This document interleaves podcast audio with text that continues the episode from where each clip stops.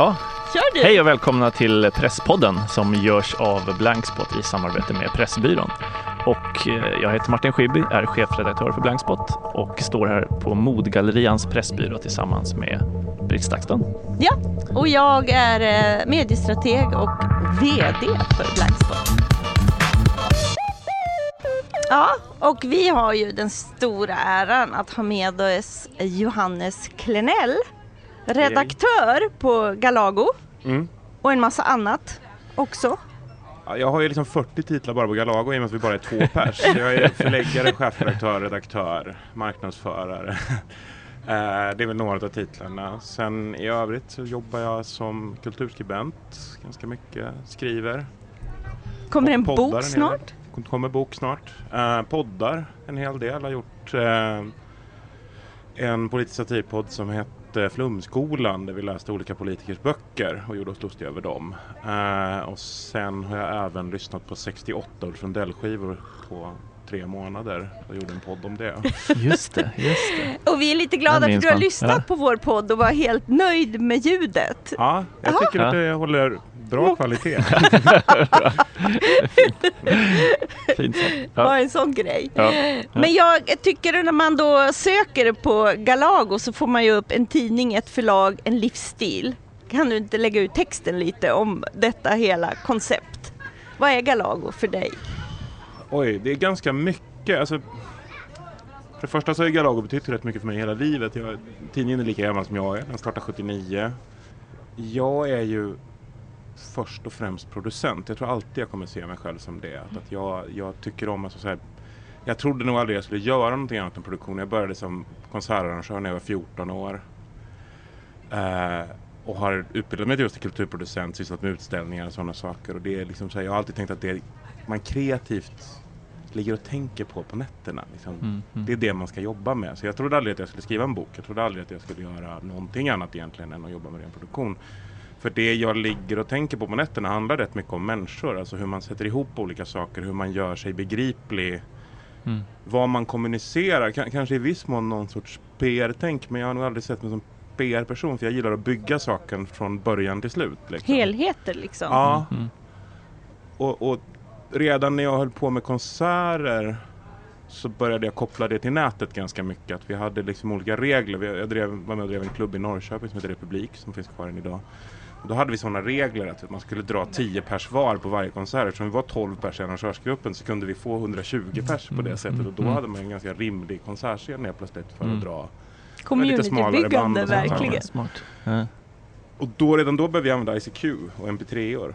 Att vi började så här höra av oss till folk och skicka MP3-or med de här demobanden som vi skulle ha. och Sådana saker. Har ni lyssnat på det här? Det upptäckte vi i ett community som heter helgon.net. Helgon.net var ganska speciellt. Det var ett sånt subkultur-community på nätet. Som hade en helt sinnessjukt, sinnessjukt stalkig sökmotor på användare. För du kunde söka på plats, musikintressen, favoritband, alltså åldersgrupp, kön, alltså allting. Du kunde verkligen så här på ett lite obehagligt sätt leta upp någon. Och väldigt tidigt. Eh, väldigt Mm. tidigt, det här är början på 2000-talet. Men Mm. vi började använda det här på hela Östergötlandsregionen. Att bokade vi ett band så sökte vi på alla som gillade det bandet i hela Östergötland. Tog kontakt med dem den vägen och liksom såg till att bygga kontaktnät på det sättet. Och det tror jag att jag sen förde med mig in i Galago. Att vi började jobba tidigt med sociala medier som en Mm, viktig mm. del av plattformen. Att för att kommunicera med läsarna. Att vi, vi ville att tidningen i sig skulle vara en genuin röst som var kommunikativ. Och våra inte, läsare. bara sociala medier för att få ut saker då tydligt Nej, utan, utan verkligen prata. prata. Ja, Så ja. vi började skriva Mm. rötna vitsar om alliansen. Vilket blev en, en ganska stor succé. Vi är nog det största förlaget i Sverige faktiskt på sociala medier. Vi har runt 21 000 Mhm. följare. Eh, och har också lyckats omsätta det i ökade mängder med prenumeranter. I år, förra året gjorde vi en prenumerantkampanj. Vi värde 1400 prenumeranter på fyra dagar. Alltså Mm. nästan Mm. enbart genom sociala medier och Facebook. Nästan inga kostnader i de kampanjerna överhuvudtaget. Mm. Mycket för att vi har hittat på något sätt ett sätt att kommunicera där man framstår som genuin när man Mm, vill ha betalt mm. för det man gör också. Mm. Att folk faktiskt vill betala för det. Kanske Mm, lite mm. som det ni gör Mm. någonstans, att ni har Mm, hittat mm. ett sånt sätt. Mm. Så det är väl det som är det här med livsstilen på något sätt. Nu är det inte jag som har skrivit det utan det var vår webbredaktör som gjorde det utan att säga det till oss. Mm. Och nu är det där. Ja, men jag har inte tagit bort det. Jag vet inte hur man gör för att ta bort det. Jag tänkte på det senast igår. Det ser lite konstigt ut. Men, men det stämmer i viss mån. För det är lite så vi har tänkt och jobbat med Mm, allting mm. vi har gjort. Att, att vi insåg ganska tidigt att det normala liksom, varumärket, för det kan man prata om i sådana här fall, är inte speciellt genuint. Folk är inte så intresserade av att betala för varumärket. Man är intresserad av att betala för människor som man litar på, röster Mm, man litar mm, på. mm. Så ganska tidigt bestämde vi oss för att vi skulle ha en helt egen röst som var hela verksamheten. Inte bara det Liv Strömquist säger eller bara det Sara Granér Mm, säger mm, eller mm, bara det Johannes Klenell säger. Utan att det skulle finnas som ett liksom kommunicerande kärl på något sätt. Mm. Och det har liksom satt sig efter tio år. Mm. Så känns det som. Mm. Vem är Galago-läsaren? Vem ser du framför dig? Det har ju ändrats väldigt mycket. När, när jag började så tror jag själva idén om Galago-läsaren var en ganska nördig kille som satt ensam på kammaren. Och kanske var ja, men någonstans den här gymnasieintellektuella figuren. Kanske lite föråldrad, kanske Mhm. lite bitter. Det visade sig ganska snart att de inte var så jävla många. Eh, Så det gick liksom inte att bygga en fungerande verksamhet på det. Så, så ganska tidigt fick vi liksom faktiskt fattat att det inte var så smart att försöka nischa ner sig till den målgruppen. Så vi har jobbat rätt hårt med att förändra den bilden av vilka som gör och vilka som läser serier under de 12-13 år jag har varit där. Eh, vi har jobbat med kvotering för att få in mer kvinnliga serieskapare, någonting som gick väldigt bra väldigt fort. Idag tror jag nog ingen skulle definiera en serietecknare. Jag tror liksom, så här, själva bilden idag är ju snarare att det är en feministisk kvinna någonstans Mm. 25-35 snarare än en nördig ensam man på Mm. Mm. kammaren. Liksom. Mm. Mm. Och den utvecklingen gick väldigt, väldigt fort. Mycket för att det var egentligen inte vi som gjorde så mycket. Vi var nog bara väldigt dåliga på vårt jobb innan. Vi var dåliga på att se kvinnor. Vi var dåliga på att uppmärksamma den delen för att trots den här märkliga sinnebilden utav den ensamma manliga nörden så är det så att de största serietecknarna i Sverige har ju varit Cecilia Torud, Gunnar Gräs. Alltså, Mm. det är en väldigt konstig, det är en sned bild någonstans som har funnits där hela tiden. Så att det gick ju väldigt, väldigt fort att ställa om. Och i det kom också hela det här liksom att, att vi blev en så mycket tydligare politisk röst eftersom det kom en sån generation som ville prata om de frågorna, som Mm, är min mm. generation också, Mm. liksom, som ville kommunicera politik på ett nytt sätt där det skulle vara kul, det skulle vara fartfyllt, där det skulle hända saker hela Mm, tiden mm. också. Så den typiska Galago-läsaren idag ska jag vara krass Mm. och inte så här självhyllande skulle jag säga att det är en kvinna 22 till 35 akademiker, oftast vit. Eh, håller på att ändras, alltså den biten, alltså ganska mycket där håller på att ändras och det går ganska fort idag. Det är en politiskt medveten person, intresserad av samhällsdebatt, eh, gillar amerikanska sitcoms. Mhm. Alltså jag kan dra det här hur Ja. som helst men Mm, det, är liksom, Ja. jag, jag tror att det är lite där finns väl en nischgrupp. Men som jag också tror håller på att förändras nu. För jag tror att det kommer en ganska en ny publik nu. Att det håller på med ett nytt generationsskifte. Där den här gruppen som vi var, som min generation som var ganska plakatpolitisk ganska länge också. Lite har tröttnat på det vi håller på med och liksom vill förändra oss och vill söka oss vidare och se liksom vad är det för gränser som kan testas där ute. Så från någonting som kanske skulle kunna beskrivas som ganska plakatpolitiskt och i viss mån ganska politiskt korrekt så har nog Mm. det kommit ett litet sökande över att provocera sig själv också nu. Mm. Mm. Så det håller på att förändra publiken. Jag tror att vi håller på att närma oss liksom så här lite farligare frågor och liksom lite mer liksom sökande attityd. Och det tror jag håller på att sätta sina spår även på publiken. Att publiken behöver roas på nya sätt. Man har hört ganska Mm. mycket av de där budskapen så länge nu så man Mm, vill höra mm. någonting nytt. Man vill att det ska hända någonting spännande. Men är det så de tänker eller får ni liksom äldre, eller äldre ska man säga, folk som har läst tidningen länge som plötsligt då, hur mycket kan man bråka med eh, de ursprungsläsarna? Än Förstår du hur jag länge- tänker? Eller är det man så här, härligt att bli utmanad? Ja, men Mm. den, stora omställningen på det här kom egentligen förra sommaren. Det är ganska Mm. nytt. Så det var att jag och Mats som jag gjort tidningen med upptäckte att vi var less. Mm, Vi tyckte mm, inte det var så jävla kul att göra det här längre Mm, själva. mm, Alltså, mm. vi började referera till tidningen som en powerpoint. Alltså Mm, att det bara mm, var att man mm, stod och mm. klickade fram de senaste serierna men det fanns ingen tanke med tidningen Mm, längre. Det mm, fanns mm. ingen ambition, det fanns ingen vilja. Vi märka också på ganska många tecknare att de nästan hade gått vidare. Att, att så här, kanske i början var vi nog mer sökande i så här, hur, hur ska vi Mm. uttrycka oss nu så vi inte gör någon arg eller liksom så här. Så började man upptäcka att alla de där personerna som man hade gjort det för, de hade sökt sig vidare Mm, och ville mm. liksom testa gränser och ville liksom vara farliga. Så vi hade nästan blivit för tråkiga för vår egen verksamhet. Ja, ja, ja. Eh, så, så förra sommaren så sa jag det, jag skrev ett mest, det är nog ganska exakt ett år sedan faktiskt, för då var jag så deprimerad och trött på det här. Då skrev jag ett, ett mess till Mats på sommaren och bara så här, men vi måste liksom tänka om, annars så säger jag upp mig. För det är Mm, ingen idé mm. att vi gör det här om, om inte vi Om det inte är kul. Nej men om vi inte vill utvecklas så då, då genomförde vi ganska stora förändringar. Vi Mm. bestämde oss för att vi skulle liksom jobba närmare med textförfattare, Mm, liksom beställa gig. eh, Vi skulle vara mer aktivt mer, liksom verksamma i tidningen. Det finns också ett problem med när man är den enda tidningen i sitt slag i ett land att folk börjar också se en lite som en statlig institution. Man har liksom en Mm, rätt mm. till sin plats i den här tidningen för att man är serietecknare. Ja, man så, är den här ja. För det finns ingen annan plats. Mm. Liksom. Och, och det kan vara ganska hämmande för en redaktör att liksom Mm, ha folk mm. som hela tiden skäller på en för att de är berättigade till någonting. Och det slutade i att vi slutade liksom göra saker själva i tidningen Mm, mer eller mm. mindre helt och hållet. För att inte ta plats i vår egen tidning. Eh, som skulle då vara någon annans, som den hade rätt till. Problemet är att vi är ju inte en statlig institution, vi är en Nej, tidning nej. som måste liksom brinna för det den Mm, gör. Så mm. det var en av de stora reglerna som vi gick in med var att vi måste alltid göra eget redaktionellt material i varje tidning. Mm. Så den här avsändaren vi har på nätet faktiskt återspeglas i tidningen Mm, också. mm. Och det funkar rätt bra. För då höll vi också på att kollapsa. Jag tror vi var nere på 1600 prenumeranter. Och det var då vi liksom gjorde den här jätteförändringen. Och sen körde vi en kampanj på det när vi faktiskt brann för det vi höll på med. Och gick upp till 4000 prenumeranter på tre månader ungefär. Alltså, Ja, shit. Ja, bra jobbat, kul. ja. Mäktigt. Ja. Nu känner jag att jag har pratat bara business. Ja, men, Nej, men jag tycker spännande. det, är- men Ja. det, det är så, det är för oss otroligt relevant. Ja, men jag sitter bara och suger i mig som en svamp det här att Vi- behovet av att också ompröva det man Ja, håller på med hela hela tiden. tiden. Kasta upp allting i luften och känna så här, vad Mm. funkar, vad funkar inte? Mm.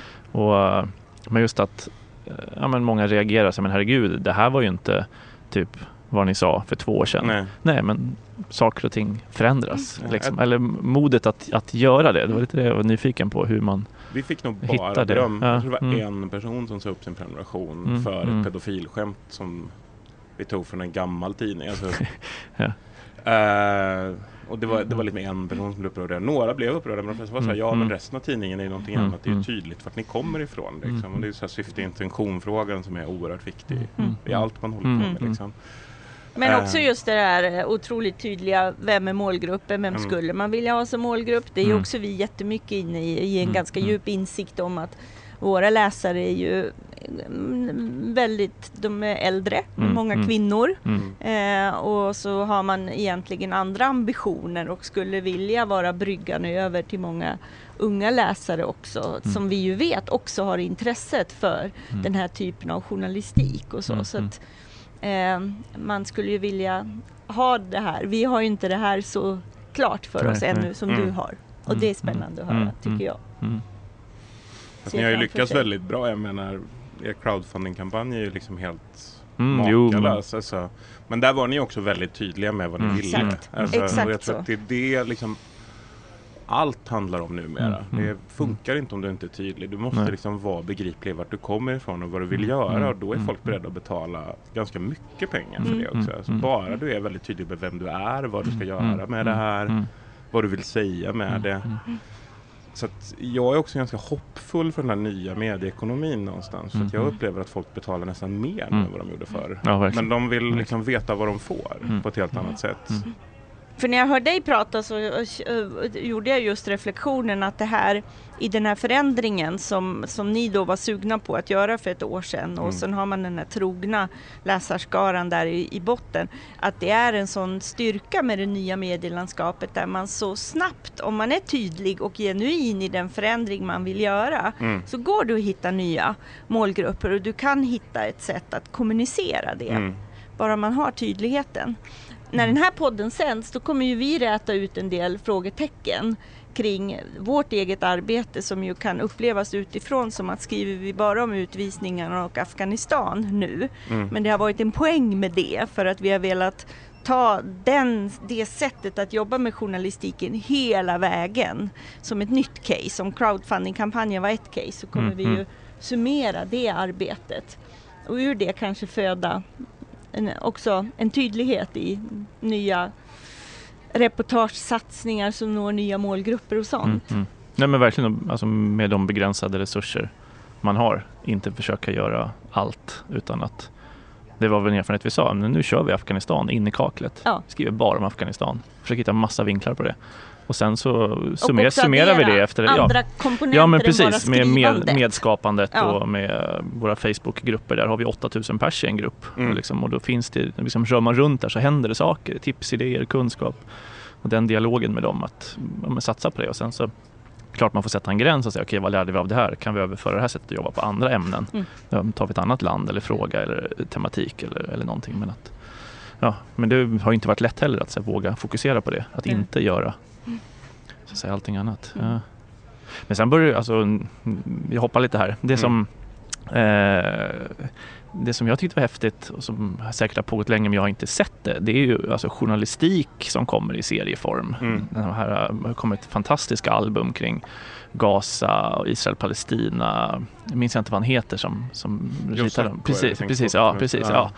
Som var ett häftigt sätt. Apropå- Gide Lill som har varit i Korea. Ja, en, Eh, eh, alltså en form av... Eh, vi har en kille som är ute nu. Okej, Fabian spännande. Göransson. Ja, eh, reser runt i Europa nu och ska göra en reportagebok om, om liksom de progressiva krafterna runt om i Europa. Så han är ute och tågluffar helt enkelt Ja, i ja. en månad tillsammans med eh, Daniel Berg som är doktor i ekonomisk historia. Så de reser runt och liksom ska bygga ett helt seriealbum kring oh, shit, den resan. Ja, ja. Och så åker de först nu ner till Frankrike och sen Ja. upp längs med Östeuropa hela vägen tillbaka. Ja.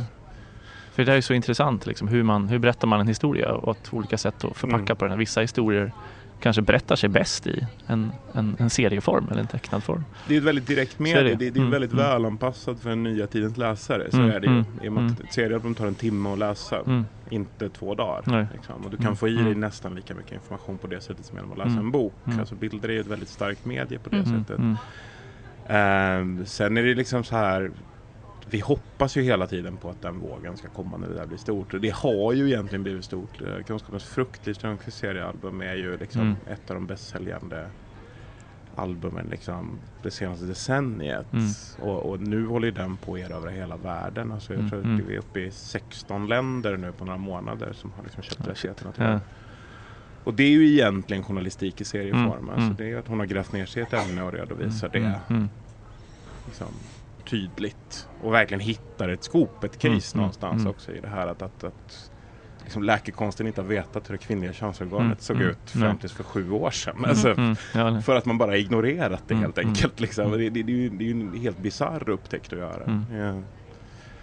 Så att, att, ja, alltså serierna har ju, en- den, den har ju en väldigt radikal sprängkraft. Alltså det, Mm, det är liksom mm. så här, sen är skämtteckningen ovanpå det är ju liksom något av det starkaste som finns på Mm. internet. Mm, Alltså för mm. att det går så direkt. Mm, Så, pang.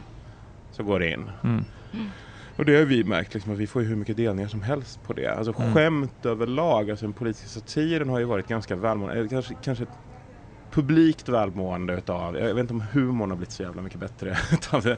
Men, men, men, men, men, men rent publikt så har det haft en enorm sprängkraft för att det är så lätt att dela. Alltså, Mm. Även Mm. liksom, tweets är ju någonstans samma sak. Liksom, Mm. Folk som skämtar på Twitter kan ju nå enormt mycket folk alltså på bara Mm. 140 Mm. tecken. Om du Mm. får till det Ja, här. precis. liksom. ja. Så att det är fortfarande, så nu är det ju tio år sedan det här var en sensation kanske. Mm. Eh, så är det väldigt häftigt att se för att serier har på något sätt blivit kvar för att stanna nu. Det var Mm, kanske mm. inte riktigt så säkert för 15 år sedan när jag började jobba med det här för då Mm, var det en mm. ganska utdöende konstform istället. Vilk, vad finns kvar i svallvågen efter jag tänker Charlie Hebdo-attentatet och den, den diskussionen där? För där kändes det ändå som att satiren uppvärderades någonstans. Eller vikten av, man började liksom prata om, pratat om hotade journalister länge men plötsligt så lyfter man fram, men herregud vi har ju alla de här hotade politiska satirtecknarna i massa länder. Eh, har det, landade debatten där eller liksom hur? Nej, Nej alltså, inte det. Det, det, det, där är, det där är väldigt problematiskt. Alltså, Ja. För att det är Jag har gjort det här i 13 år, jag har gått igenom Mm. Fem eller sex större medieskandaler Mm, genom att jobba mm. med humor. Och det jag har Mm. lärt mig av det är att folk är alltid extremt selektiva vad de väljer att bli upprörda över och vad de Mm, väljer att försvara. Eh, samma människor som krävde blod och skrek om yttrandefrihet vid Charlie Hebdo var rosenrasande när vi hade en satirtext hotat Per Gudmundsson. Alltså så här, Mm, så att, så mm. att yttrandefri- alltså hela den här yttrandefrihetsdebatten är så otroligt förvirrad Mm, på det mm, sättet. mm. Liksom. Så att, så att satiren blir liksom aldrig uppvärderad. Den hamnar alltid bara i olika fraktionsstrider av Utnyttjas som en, Ja, eh, den- liksom den kidnappas av... slagträ på det sättet. mm, Så att- mm. Jag kan känna mig fruktansvärt trött på de där debatterna Mm, för att de mm, alltid mm. är ett sånt vansinnigt hyckleri. Mm, mm. Faktiskt. Mm. Det, det är liksom Som någon som jobbar med det här så måste jag ju försvara den andra sidan hela tiden när de skojar om oss och de gör saker. Mm, Jag vet så här, mm. när, när avpixlat snodde en Joakim Pirin en bild Mm. och jag gick in och sa men ni kan inte bara sno den här bilden och ändra texten. Det fattar Nej, ni väl? Liksom. Ni, ni måste ju göra något av den så den får ett eget Mm. konstnärligt värde. Men då går de in på internet och hittar en bild av mig när jag är superbakis, klipper ut den och sätter som huvud på liksom, den här figuren. Och jag var bara såhär, ja vad fan, kör. Nu är ni så jävla småaktiga så ni är på min nivå. Så Ja, liksom så här, ja. Ska jag få hålla på så här mot er så måste ni faktiskt få hålla på tillbaks Ja, också. Liksom. Men då när du ändå är inne på yttrandefriheten så eh, kan vi väl ta den här eh, diskussionen som bara verkar fortsätta loopa evighet som är kopplad både till Bokmässan och nu eh, eh, Nordiska motståndsrörelsen i Almedalen och så. Mm. Du gjorde ju ett försök att vara lite tydlig i att det är okej att tycka å ena sidan och, och, tycka, tycka så här eller så här Mm. och så här väljer vi. Mm. Kan vi nu gå vidare bara? För någon månad sedan på Mm. Facebook i ett långt ställningstagande där vi fick veta att Galago kommer vara på Bokmässan men att man också kanske börjar fundera sig om man närmar sig gränser där man kanske kan kräva en tydlighet av den här mötesplatsen som ändå Bokmässan alltid har Mm. gett. Är det en eh, korrekt summering av vad du försökte säga? Ja men i viss mån. Alltså det, det har ju varit så här, jag tycker det viktiga när man pratar om den frågan är att komma ihåg att det här inte är enkelt. Jag kan Nej. irritera mig Mm, fruktansvärt mm, mycket på de som hävdar att, att det här är det stora slagfältet för yttrandefriheterna och Åsa Linderborgs in, liksom hållning till det. Å andra sidan tycker jag att det är väldigt komplicerat med de som hävdar att yttrandefrihet bara är en relation mellan stat och Mm, befolkning. mm, För att mm. Vad är det då Lars Vilks är utsatt för just nu? Liksom? Är inte han tystad? Det är ju inte en stat som har gjort honom det liksom, utan Mm, han blir tvärtom mm. skyddad av staten. Alltså det, det, det blir... Vi kan inte göra den här frågan så Mm, enkel. nej, Och, och jag vet ju liksom så här att när man väl började skrika om, om till exempel att Nya Tider skulle stängas av, då kommer det som ett brev på posten att en konservativ ledarskribent börjar prata om att man ska stänga av Sven Wollter och Ordfront Mm, för att mm, Sven mm, Wollter är kommunist. Alltså, och jag tror att det är viktigt att komma ihåg att yttrandefrihet faktiskt är en löpande diskussion som Mm. måste fortsätta hela tiden. Man Mm, måste mm, fortsätta mm. förhandla konstant om vad den handlar om. För mm. annars så hamnar vi väldigt lätt i ett läge, framförallt just med de krafter som faktiskt hotar att ta makten i Sverige just Ja. nu, där de kan börja stänga av progressiva krafter i slutändan. För att man har öppnat den dörren själv. Mm. Jag kommer ihåg när det var något avsnitt av Opinion Live när Olle Palmlöv ställde någon så urbota dum fråga om, när han jämförde Black Coffee med liksom Ku Klux Klan. Mm, just det. Och då började folk skrika om att han skulle få sparken. Mm, och då känner man så här, mm, men ska vi göra det lättare för journalister att få sparken? Mm, Alltså är det mm. det vi vill? Mm. Är det liksom det vi är ute Mm. efter i det här samtalet? För att Mm. efter 2018 är det risk att vi har ett parti i regeringsmakt som, som faktiskt vill tysta journalister, Mm. men som vill Mm. tysta helt andra journalister. Mm, Ska vi göra det enklare för dem? mm, Är det verkligen mm, mm, dit vi vill? Eller vill vi att det här ska vara en löpande debatt och diskussion? Liksom? mm, mm. Där man kan pröva tankar och resonera för Ja. varje givet tillfälle och så. Jag tycker att det finns anledningar till att stänga av Nya Tider, men det är ju deras tydliga koppling till megafonerna och liksom till Mm. att de faktiskt har gjort ett par väldigt komplicerade uttalanden angående liksom hembesök till journalister Mm. och sådana Mm, saker. mm. Och, och där det faktiskt är så, det fattar ju vem som helst att hade, hade proletären gjort samma uttalanden så hade de liksom inte varit välkomna. Punkt. Mm, Liksom. mm, För mm. så ser debatten alltid ut. När Mm. vänstern Mm. gör sådana saker så blir det väldigt mycket hårdare bestraffning per automatik. Eh, så där finns det ju liksom den motsatta sidan. Varför är vi så mycket mjukare i det här fallet än vad det är här? Varför, varför vill vi alltid vara så mycket mer prövande och förstående inför högerextremismen på det sättet? Det handlar väl i viss mån om att den är kopplad till majoritetsbefolkningen på ett helt annat sätt. Liksom. Det folks söner, det är folks barn, det är farbrorn som är rasister hemma som man måste Mm, mm, bemöter och förlåter varje dag på något sätt som är liksom ens kopplingsväng dit. Medans tittar man på så här men, när, jag, när jag höll på med flumskolan så upptäckte jag när jag läste politiska texter, alltså, författ, alltså böcker författade utav politiker på 90-talet att, att Sverige är byggt ganska mycket på en sån rätt märklig modell, framförallt bland våra högerpolitiker. Där vi har liksom vanligt hederligt folk på den här delen av axeln. Den lite längre ut på extremistskalan, där befinner sig nazister. Det är liksom, för, liksom borttappade killar, killar utan fadersgestalter. Liksom så här. mm. Sen lite längre in, och det här är liksom Fredrik Reinfeldts egna ord, diverse invandrargrupper som är i konflikt med nazisterna, på något sånt så här ja. liksom det är inte en, en, Spel om två träter. en spel om två Nej, träteläge och det är liksom bara en blandad kompakt av folk som råkar vara rasifierade. Mm, mm. Och sen längst ut så har vi vänsterextremister och de är liksom Mm. obotbara. Det är liksom det går inte att göra något åt det överhuvudtaget. Och det är allt från liksom. Ung Vänster till AFA till liksom jätteintressant att läsa sådana böcker som till exempel Stenen i handen på den starka av Fredrik Reinfeldt och så. För att man får lite en bild av vad det var när de väl kom till regeringsmakten som präglade deras samhällssyn av liksom hur Mm. extremism fungerar och hur den axeln funkar. Mm. Och jag tror att man i det också kan se varför man också har varit så försiktiga med liksom högerextremister. För att man har haft någon sorts idé om att det bara är grabbar på glid. Mm. på något sätt. Mm. Och det gör ju att vi sitter nu i ett väldigt komplicerat läge, Mm. Mm. Mm. tror jag. Mm. Medan då att välja att vara vänsterextremist är att välja ondskan rakt Mm. av. Det har du Mm. liksom gjort ett medvetet kalkylerat liksom, Mm. val. Att där finns det inga förlåtande skalor överhuvudtaget. Mm. Nej, jag vet inte. Men, Ja, men, men men- ja. men, men det, gör, det gör att, att, Nej, att, att- att, ja. när jag tittar på sådana här frågor så måste jag hela tiden ställa mig frågan Kommer jag vara välkommen till Bokmässan nästa Mm. år? Mm. Jag har blivit polisanmäld för olaga hot. Alltså Mm. på grund av ett skämt i min tidning. Mm. Det kan användas som ett argument. Mm. Det var ändå mot Mm. en ledarskribent. Alltså det var Mm. liksom Det där måste man hela tiden ha i bakhuvudet. Och då Mm. kan man ju fråga sig så här Ja, man kanske inte tycker att det spelar någon roll om bokmässan finns eller inte. Eller liksom så. Men, men jag kanske tycker att det är ganska bra med sådana forum. Mm. Jag tycker att det, det liksom behövs. Det, det, det, det kan vara en viktig plattform. Mm. Jag kan förstå Bokmässans syn på själva. Sen kan jag kan också säga samtidigt att jag tycker att de har De haft hade en lätt- mediehantering från helvetet. Mm. Ja, de hade ju lätt, apropå tydlighet, Mm. kunnat vara tydligare. Ja.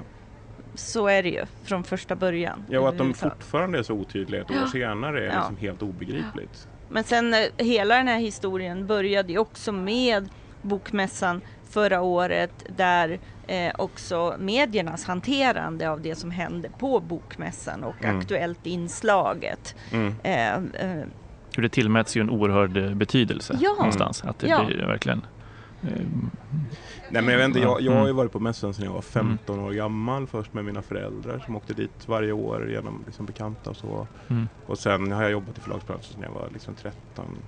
Jag kan väl säga någonstans på rak arm att, Mässan har ju varit rätt duktiga på att tysta ner de där rörelserna själva. Alltså jag minns ju Mm. när SD ställde ut där när Jimmy Åkesson släppte Satis Polito. När mässan placerat deras monter i trädgård och hälsa-avdelningen som ingen går till någonsin. För alla vet att där sitter det kristallhealers, knäppjökar, egenutgivna förlag och liksom så här. Så det är liksom en, en, bara en stor block. Jag visste knappt att den avdelningen fanns. Jag skulle leta rätt på SDs monter för att se vart den var. Mm. Jimmie Åkesson hade fem pers i signeringskön. De kom Mm. aldrig tillbaks Mm. efter det. För det var liksom inte värt Mm. det för dem. Och, och, så att mässan har ju haft en tradition. Det har ju funnits rätt mycket liksom knäppa organisationer Mm. från Mm. utlandet Mm. som har varit där och ställt ut Mm. och så. Men de gömmer dem i de där Mm. hörnen. Mm. Mm. Men där vet man ju såklart inte om man inte är en person som åker på bokmässan. Mm. Alltså det är Mm. klart som fan, för då får man den här bilden av att man köper sig rätten att mingla med eliten Mm. Ja, och liksom ja. så här, träffa Mm. folk. Men det är ju en jättehierarkisk plats Mm, och det är mm, det vi mm. kritiserar den för innan det här med Nya Mm, Tider. Då var det ju mm. det som var problemet, att det här var en kommersialismens mecka. Det var bara eliten mm, som satt i toppen och var man en liten författare så fick man inte synas. Nej, liksom. Så att, folk har ju också lite valt att ompositionera sig efter liksom, Mm, hur man ska angripa den här frågan. Jag, jag tycker ja. att, liksom så här att, att jag är egentligen på alla sidor. Jag tycker att man ska bojkotta om man vill det. Jag tycker Mm. att det är en bra idé. Eh, och det är också en helt demokratisk rättighet att säga att man inte vill åka på bokmässan Mm. eller att göra en annan mässa samtidigt. Mm, Eller liksom. mm. Men det känns ändå som att det här är en snöboll som har rullat ett tag. Att vi Mm. får de här liksom, förvirrade och samtidigt principiella diskussionerna kring yttrandefrihet. Mm. Allt från jag backar igen tillbaka till Charlie Hebdo men då var det också till exempel Reporter utan gränser gick ut och krävde liksom att alla måste nu trycka de här bilderna annars, Mm. liksom är man ingen, annars står man inte upp för pressfriheten vilket ju Mm. var Ja, vi Liksom valde också att inte göra det. Nej, och det hade inte jag liksom heller gjort. Det blir också en, en problematisk eh, liksom, grej. Att då ska, Ja. då, omvärlden ska liksom tvingas till de här ställningstagandena och det är Mm. svartvitt. eh, Men istället, som du är lite inne på, att bejaka komplexiteten i de här frågorna och säga Mm. att det är väl en fantastisk liksom, tryck och yttrandefrihet vi har. Ja. Hur eh, på något sätt kan den överleva de här Mm. de här diskussionerna. För det är också, menar, tittar man internationellt så är det ju eh, de nordiska länderna är ju ändå unika. Alltså Mm. i liksom, ja, vår, vår pressfrihet, man glömmer det ibland om man tänker att ja, men, eh, tänk på Sveriges möjlighet att driva sådana här frågor i Unesco eller FN-systemet så har ju de, en majoritet av världens länder liksom, hatar ju journalister och vill Mm. gärna bura in dem och, och komma undan med det. Alltså det finns ju Mm. också en globalt ganska stora krafter som eh, någonstans vill begränsa mediers, journalisters och liksom, ja, yttrandefrihet på nätet på olika Mm. sätt. Men eh, hur känns det? Nu har vi liksom Bokmässan, Almedalen, sen blir nästa eh, nästa liksom slagfält. Ja, nej, men det kommer ju bara bli Ja, fler och ja. fler. Det är ju det också Mm. för de, de här rörelserna ser ju det här nu. Och Mm, de ser att mm. de vinner i de här debatterna. För att det, det vi får är ju en värld där de är aktiva Mm. och vi är reaktiva hela Mm. tiden. Hela Ja. tiden. Mm. Och, och jag, vi gjorde, när vi värvade 1400 prenumeranter, det var ju faktiskt på grund av Nya Tider. Och det tror jag faktiskt var en av de jobbiga serier som har hänt. om. Det var ju att Mm, jag hamnade i en mm. debatt med Per Winberg, en av de redaktörerna på Nya Mm. Tider. Mm. Där han skriver till mig, vi värvade tusen prenumeranter tack vare bokmässedebaclet. Det skulle inte ni göra om ni så rita streckgubbar i ett år. Ja. Och då gick vi ut med en skärmdump på det och så, och så sa det, liksom, men nu är det fan streckgubbar Mm, mot mm, nazism. Vad väljer ni? Ja. Kan vi få in lika många prenumeranter som de innan helgen är Ja. över? Och då fick vi in 1400 Ja. stycken. Alltså, Ja.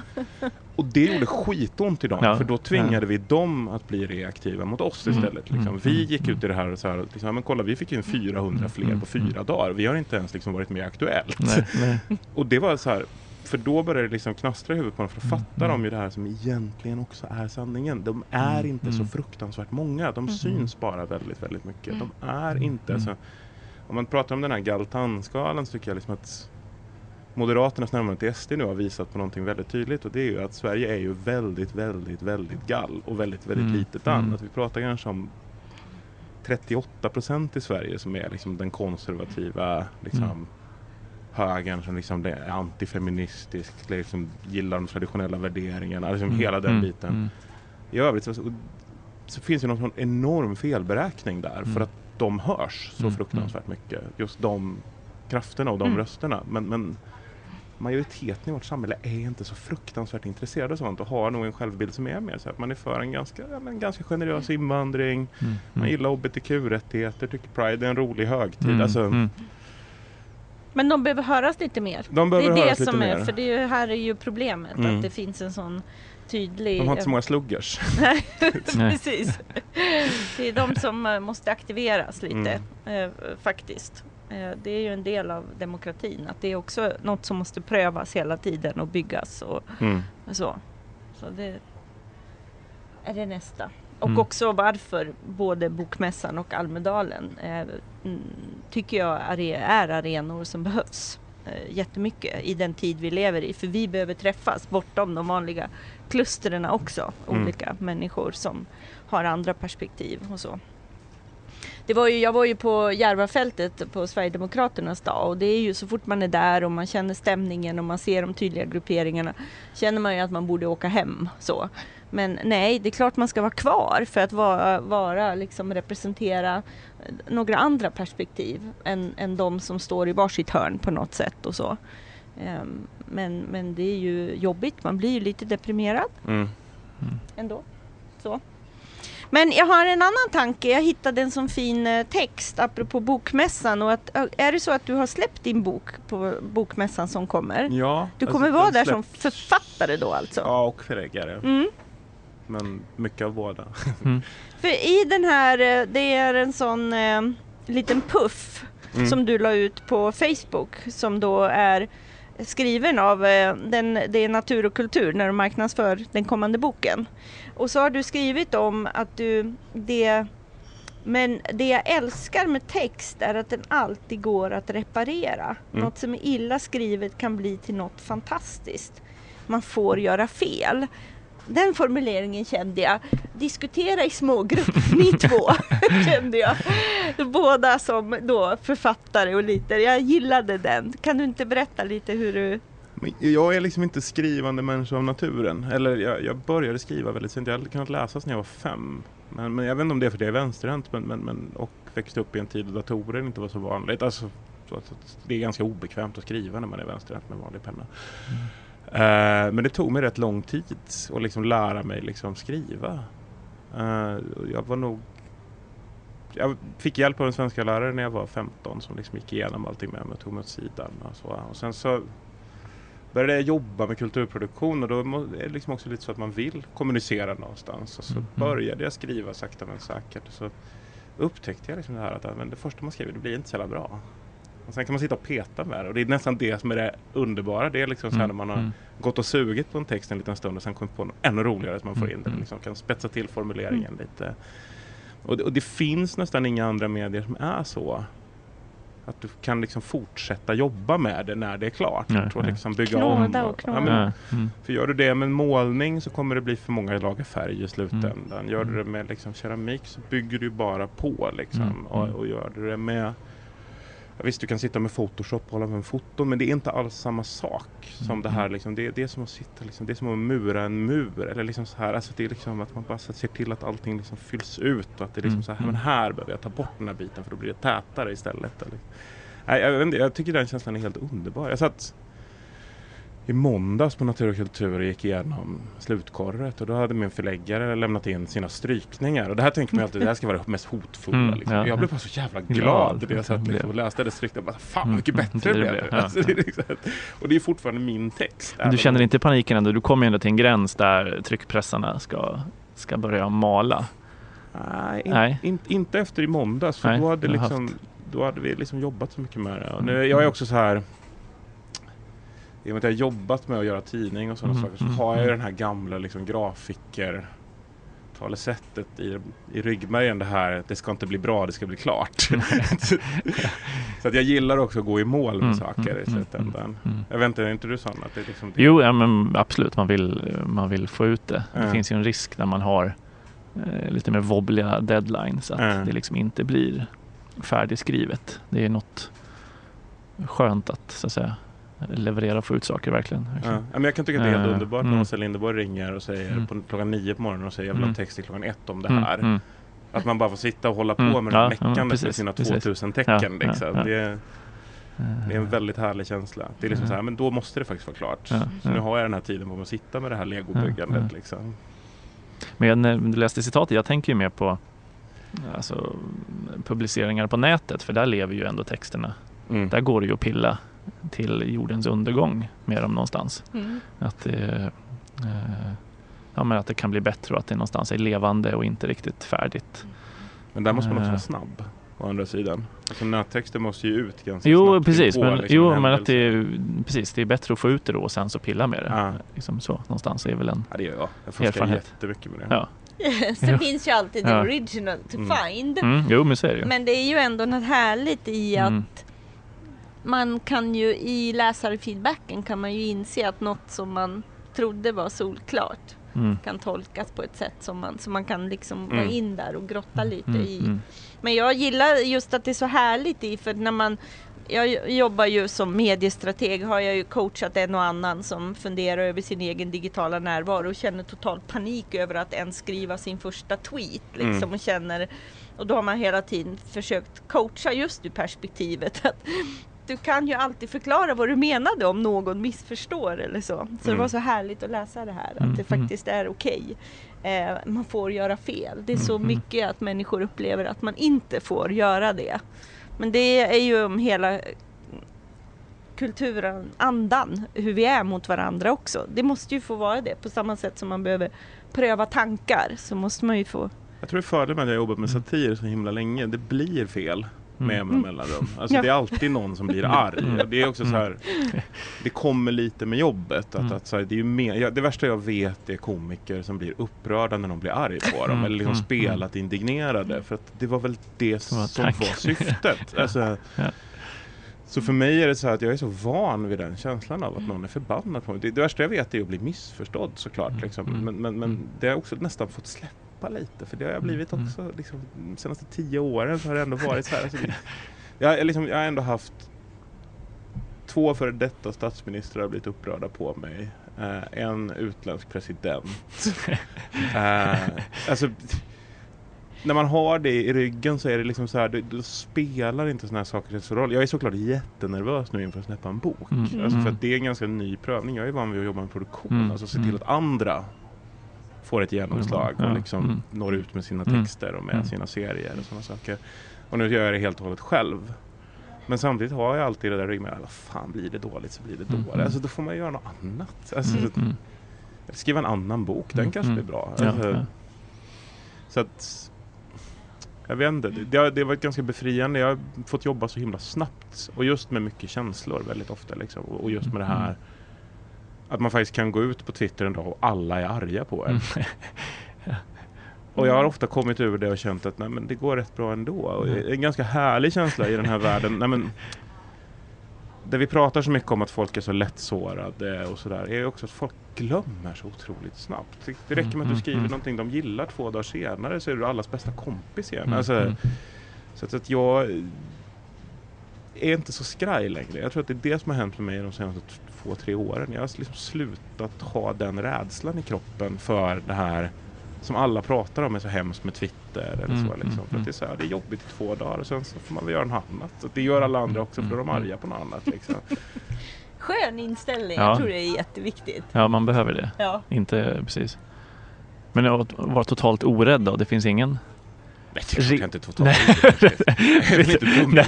Nej. Eh, Det Nej, men, men, Twitter men, utan men, rädsla. Men, men jag tror att jag har lärt mig nej. lite Nej.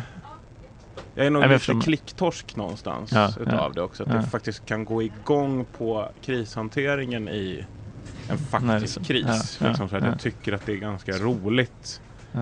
Att spela Att rör på. Civilization på, Twitter Mm, på det mm, sättet. mm. Och, liksom att, att, ja, men, och, och, och, i min, och i min värld så är det också så att det kanske behövs en skandal eller två då och då Mm, för mm. att man också ska hålla sig relevant. Om ingen Mm, har varit mm, arg på mm. en på två år så kanske man inte har gjort något bra. Mm. Det kan också Mm. vara så Mm. faktiskt. Alltså, så att, Det är bra ord Ja, det är skönt. Ja, verkligen. Verkligen. Det är skönt.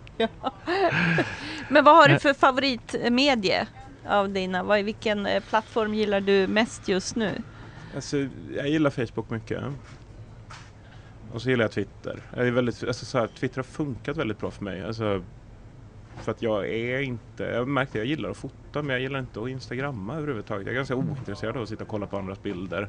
Jag fattar att det är ett snällt medie men det är kanske just därför det inte riktigt funkar för mig heller. För att jag tror jag gillar när det Mm, smäller lite mm, i sargen mm, ibland mm. också. Liksom. Och där är Twitter ganska kul. Du, Mm, du mm, får mm. en fight då och då. Och, ehm, Snapchat fattar jag inte överhuvudtaget. Faktiskt. Det har inte gått för mig. Alltså jag har försökt och försökt och Mm. försökt. Men, men jag håller på med film på det sättet. Alltså, ska jag göra film så skulle jag göra en dokumentär på en timme Mm, istället mm, om någonting. Men, Mm. och bara filma mig själv när jag äter, det, är liksom, det funkar inte. Nej, men så att, det- jag är ganska traditionell på det sättet. Jag gillar textbaserade alla former av liksom textbaserade sociala medier tycker jag är bra. Mm. Och de funkar väldigt bra för mig. För att jag gillar att uttrycka mig och jag gillar att liksom tänka mycket och det kan man inte riktigt få fram i ett foto eller i en film på det sättet tycker jag. Mm. Alltså just det här med liksom ja, men om, om, om man läser det jag skriver på Facebook, jag skriver ju ganska ofta Jenny Lindahl gamla Unga Vänsterordföranden och här är en opinions... Hon brukar skoja om att jag är någon sorts, att jag brukar skriva kommunikéer. mycket. Ja. Jag uppskattar dem oerhört mycket. De så här, man känner att nu kan man få lite bra perspektiv på saker och ting. Och också att du orkar göra det uppskattar jag väldigt mycket. För jag har kommit till ett skede där jag känner mig lite förlamad av, av tidsandan och jag får Ja. jättepositiv energi av, av dig och dina kommunikéer. Men jag tror att jag försöker bara så här, fatta vad det är vi bråkar om. Eller så vart konflikterna ligger. Och sen är jag ganska så här, jag är inte så negativ. Alltså jag, det är klart som fan att jag har klimatångest. Alltså, eller liksom, Mm. jorden håller på att gå under. Men, men, och just därför tror jag inte jag bryr mig så fruktansvärt mycket om, eller är så orolig för de andra bitarna. Jag, jag tror inte att Sverige håller på att förvandlas till Ungern. Jag tror tvärtom att Sverige är ett ganska progressivt land där vi har Mm. Mm. har det ganska bra och att det är därför vi håller på att kivas ganska mycket om, om ganska mycket Mm. saker. Mm. För att vi Mm. har den här härliga yttrandefriheten och för att Mm. den där förhandlingen är så fruktansvärt vittig som pågår hela tiden. Mm. Och där kan man tycka att folk är helt dumma i huvudet och då kan man också säga det och det är Mm. jätte... Mm. Liksom. Verkligen. så att, jag vet inte, jag, jag tror att de senaste åren har nog bara blivit mer och mer av en optimist på det sättet. Mm. Jag tycker ändå att det är så här vi har jag tycker också att det har kommit ganska mycket nya politiska debatten. Den var ju väldigt agitatorisk och uppdelad väldigt länge på grund av SD. Och nu känns det snarare tvärtom som att folk börjar hitta nya allianser på grund av SD. Alltså att, att, att progressiva liberaler och progressiva vänsterpersoner faktiskt kan kommunicera med varandra och samtidigt låta det smälla Mm, i sargen mm, fullständigt när det handlar om den ekonomiska politiken och när det handlar om fördelning. Men när det kommer till liksom människovärden och sådana Mm. saker Exakt. Mm. så kan man faktiskt prata med varandra och jag tror att det har varit ganska sunt. Mm. För det har också gjort att vi har börjat hitta nya former av liksom sätt att ha roligt och skämta och liksom hantera de här jobbiga sakerna som att vi har de där jävla, det jävla 18% partiet i riksdagen just nu. Mm. Liksom. Och jag tror också att det är skitviktigt för att hålla M borta från SD. Att man ser till att det är väldigt, väldigt kul i de där andra leden Mm. och att Mm. folk känner att det är där man vill vara istället. Liksom. Mm. Inte i den här världen där det är hårdare tag som gäller och liksom kulsprutor till polisen och liksom Mm. Mm. vattenkanoner ute i förorterna. Utan Mm. liksom Mm. i den andra världen där man tror att det här kommer bli bra. Mm. Där vi kommer lösa det. Ja. Liksom. Och det tror jag vi håller på att göra. Mm. Egentligen. Är inte det en perfekt not Ja, att fint. sluta på? Verkligen. Eller Ta med oss den känslan. Ja. Mm. Och så har vi fått en massa bra tips om att inte vara rädda. Nej. Nej. Jättestort tack för att du kom Tack hit. själva. Verkligen. Tack Johannes. Himla kul. Ses på Bokmässan. Ja, I din nya roll. Vi kommer och tack. peppar. Ja, strax är det Almedalen. Ja. Mm. Jag är laddad. Det ska bli kul. Jag känner Ja. ett jättestort behov av att möta en massa smarta människor. Ja. eh, som jag inte har tid att träffa annars. Och så- det är ju så. De, det är jättemånga som är på plats som det skulle bli otroligt både dyrt och eh, svårt att få ihop liksom. Att Mm, träffa. mm. Här kan man snacka på i dagarna sju Mm, liksom. mm. Jag tänker alltid på Amy Goodman, hon redaktören, journalisten på Democracy Now. Hon var i Almedalen för var det två år sedan. Och helt eh, blown away av liksom tillgången till både den politiska nivån men också alla aktörer som var där. Hon var ju liksom att med amerikanska glasögon, en open air democracy festival. Mm. Eh, så att det, ja, det är ju ett helt unikt forum, verkligen. verkligen. Mm. Som har sin potential. Och vi ska Ja, prata lite mm. blank spot. Mm. Vi absolut. kommer också köra lite livesändningar varje morgon från eh, vår lägenhet. Mm. Och sen eh, kommer jag eh, ha förmånen att moderera lite spännande samtal. Mm. En om den eviga diskussionen om förtroendet för journalistiken Mm. men eh, också om läsning Mm. och eh, demokratifrågor. Så Mm. att, eh, Mm. nej, det ska bli en kul vecka. Gotland för mig är annars mycket, min pappa bodde ju på Gotland under många år och var officer på P18. Eh, gjorde lumpen där och sen blev, eh, blev kvar. Eh, så att, Var du mycket där när du var liten då? nej, alltså han eh, bröt ju med det militära, eller det militära bröt med honom. Eller han Han gjorde väl lumpen där 57-58, något sånt. Eh, nej, tidigare, förlåt. Ja, eh, men, men blev ju sen officer och var på Gotland. Och, men under, det var väl 68 då allting annat och hände också, så uh, var han chef för en plutonchefsskola med uh, pansar, pansartrupperna och hade då, ska se att jag får det här rätt, generalens svärson på sitt, uh, sin pluton som han skulle utbilda. och att liksom vara plutonchef för pansarskyttekompani eller stridsvagns liksom, pluton är ju liksom ganska komplext och kräver ganska mycket. Eh, och i, eh, när de skulle få betyg då så fick inte den här generalen Svärsson godkänt betyg av betygskollegiet. Så det var inte bara min liksom, pappa utan även andra eh, som inte satte godkänt betyg på honom. Av hänsyn till Sveriges försvar och till liksom vår försvarsförmåga. Men det ledde då till att generalen ville att man skulle ändra betyget på svärsonen och eh, Sture Karlsson då som min pappa heter, hette eh, vägrade det och det blev en soppa där de JO-anmälde varandra och eh, mycket löpsedlar och mycket omskrivet.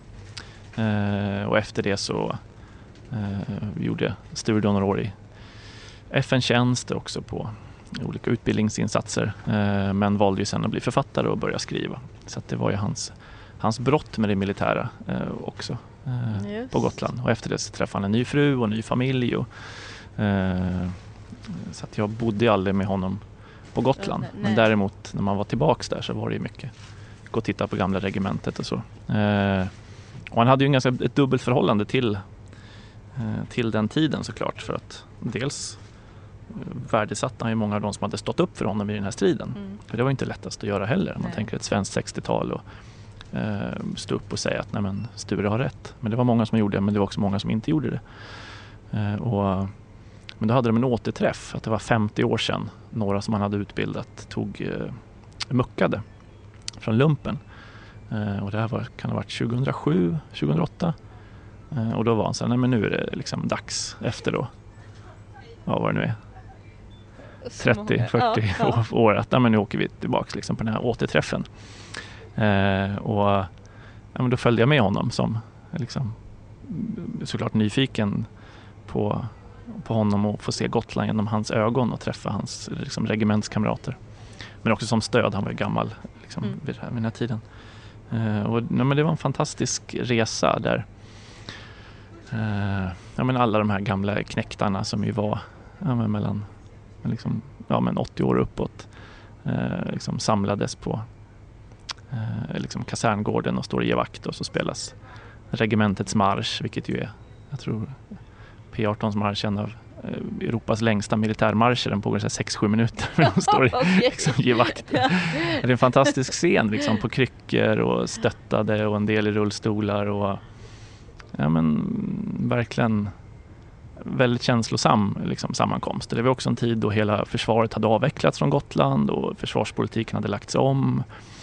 Så har man de människor som har gett hela sitt liv för att försvara den där ön. Mm. Eh, så det fanns ju en väldig bitterhet och en väldig ilska mot liksom, den nuvarande försvarspolitiken och att det var bara ett hemvärnskompani kvar ungefär som skulle försvara Gotland.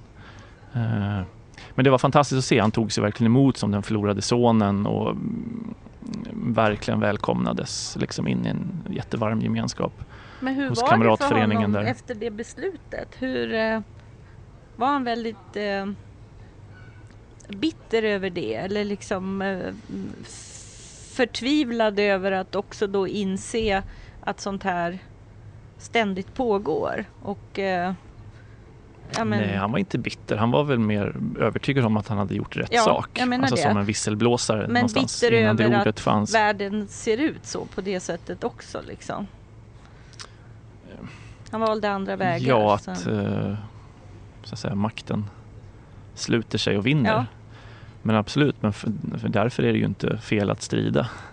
Så att nej, säga. Nej. nej, nej. Så, men, men eh, eh, mm, men det var, också, det var intressant för det var en som kom fram till honom under den här återträffen som var med i kamratföreningen då som berättade att han hade inte stöttat Sture under striden.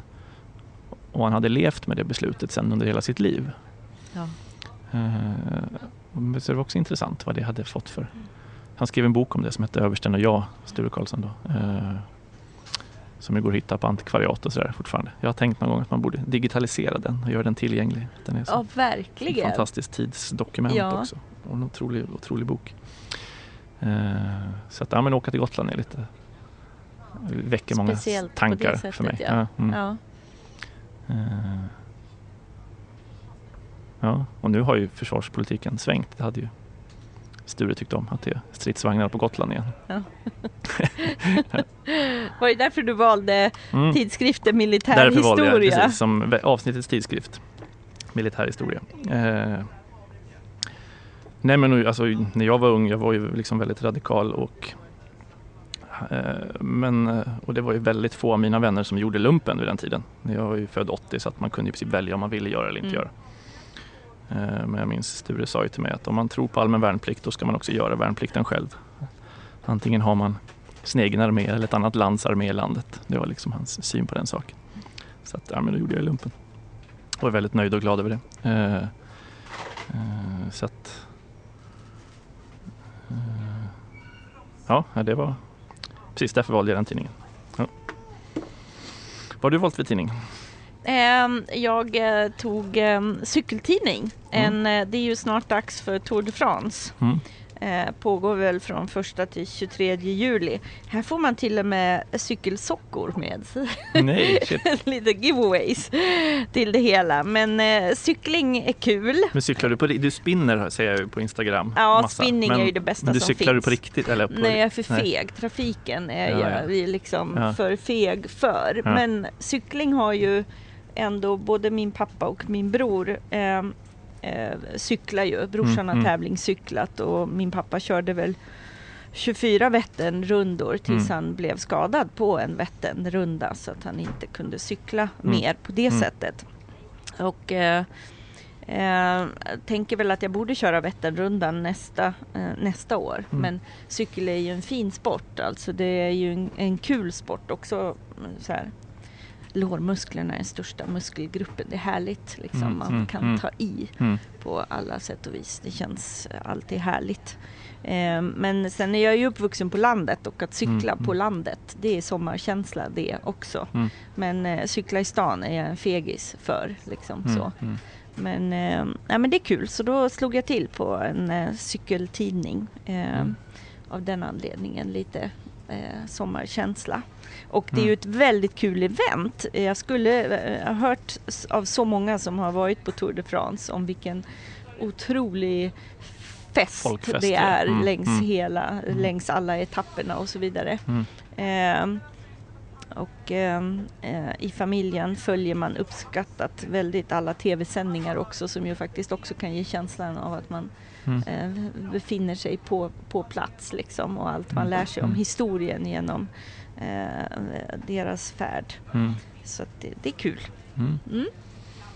Ja, jag tänkte bara under mitt, min Eritrea-resa i fjol så såg man ju många, det är otroligt berget, det var ju många som cyklade och mycket cykelklubbar och varje stad hade sitt cykellag och verkligen en cykelnation. Och där följde man ju Tour de France i Eritrea, det var ju liksom man pratar så här, man tror man ska kunna prata fotboll med folk och då Ja. ville folk prata Tour de France-cyklister. Det Ingen aning. det Det var inte min- nej. Nej. Det var lite besviken när Ja. det kommer någon från Europa och inte vet någonting om Tour de France. Så, ja, nej, det var en miss. Ja. Ja. Ja. Med detta säger vi väl eh, eh, tack och hej för den här dagen. Men Mm. först måste vi ju passa på att prata med Malin och få höra om vi får några sommartips eh, från henne. Ja. Som hon är ju ändå värd för oss här på Pressbyrån. Så vi går väl och hämtar Malin. Ja. Vi har ju haft eh, Johannes Klenell från Galago här idag.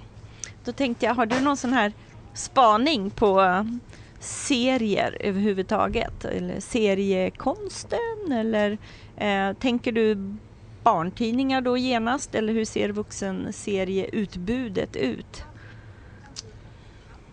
Det är ju ganska knapert skulle jag vilja säga. Och lite dystert att, att serievärlden har förändrats ganska mycket. På 80 och 90-talet var det ju stort. Och det Mm. var det var okej, det var bra, det var jättebra serier. Det var mycket som också importerades från USA. Mm.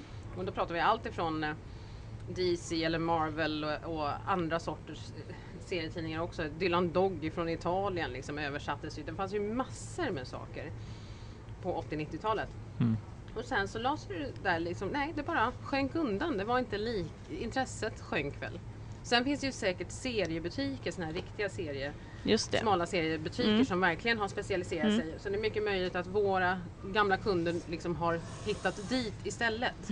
Mm. Absolut, men eh, annars tycker jag det är lite dystert att det faktiskt har sjunkit undan. För de vuxna personerna köper ju mest 91 Knasen och Fantomen fortfarande. Och det är Mm. fortfarande ingenting konstigt för det. Nej. Nej. Nej. Mm, mm. Och barnserietidningar, de är ju nästan mer inriktade till att det ska pysslas och det är produkter mm, i mm. tidningarna och så vidare. Mycket för att det ska nästan, det, det låter nästan som, det- när man ser på tidningen så ser man ungefär som att föräldrarna vill ha lugn och ro en stund. Mm, mm. Och, och jag vet ju just att de är, det är nästan leksakerna som skickas med i barntidningarna som är mer populära än själva tidningen i sig. Mm, Så det är väldigt synd och jag tycker det är också väldigt synd att det finns för lite barntidningar, alltså tidningar till barn. Så Kamratposten till exempel Mm, som finns, den Mm, går ju bara mm. på prenumeration. Och vi har enorma efterfrågningar på den. Mm, mm. Men eh, de vill inte sälja den i butik, vilket Ja, är ja. jättetråkigt. Jaha, det hade Mm. jag ingen aning om. Vad konstigt. Ja. Så just det här när det ska ja. vara lite mer seriös Mm. Ja, barntidningar precis, så ja. går det inte ens ut till vanlig lösnummer. Mm, Det, mm. det tycker jag är väldigt, väldigt Mm. konstigt. För det blir lite Mm. som att vi, vi har ingenting annat att erbjuda. Mm. Mm. Och det måste kunna finnas. Mm. Mm. Och det finns ju två andra tidningar men det är också bara prenumeration på de tidningarna. Mm. Så det, det är väldigt synd tycker jag. Mm. Mm. Jag tänker SVT Junior är väl lite, Mm. fast den är inte barn i och för sig. Det är väl men den, precis, jo den absolut. fin- Ja, Den, den var ju till lite äldre Ja, barn, precis, men ja, kanske vi ja, säger ja, 8 just det. till 15 kanske. ja, ja.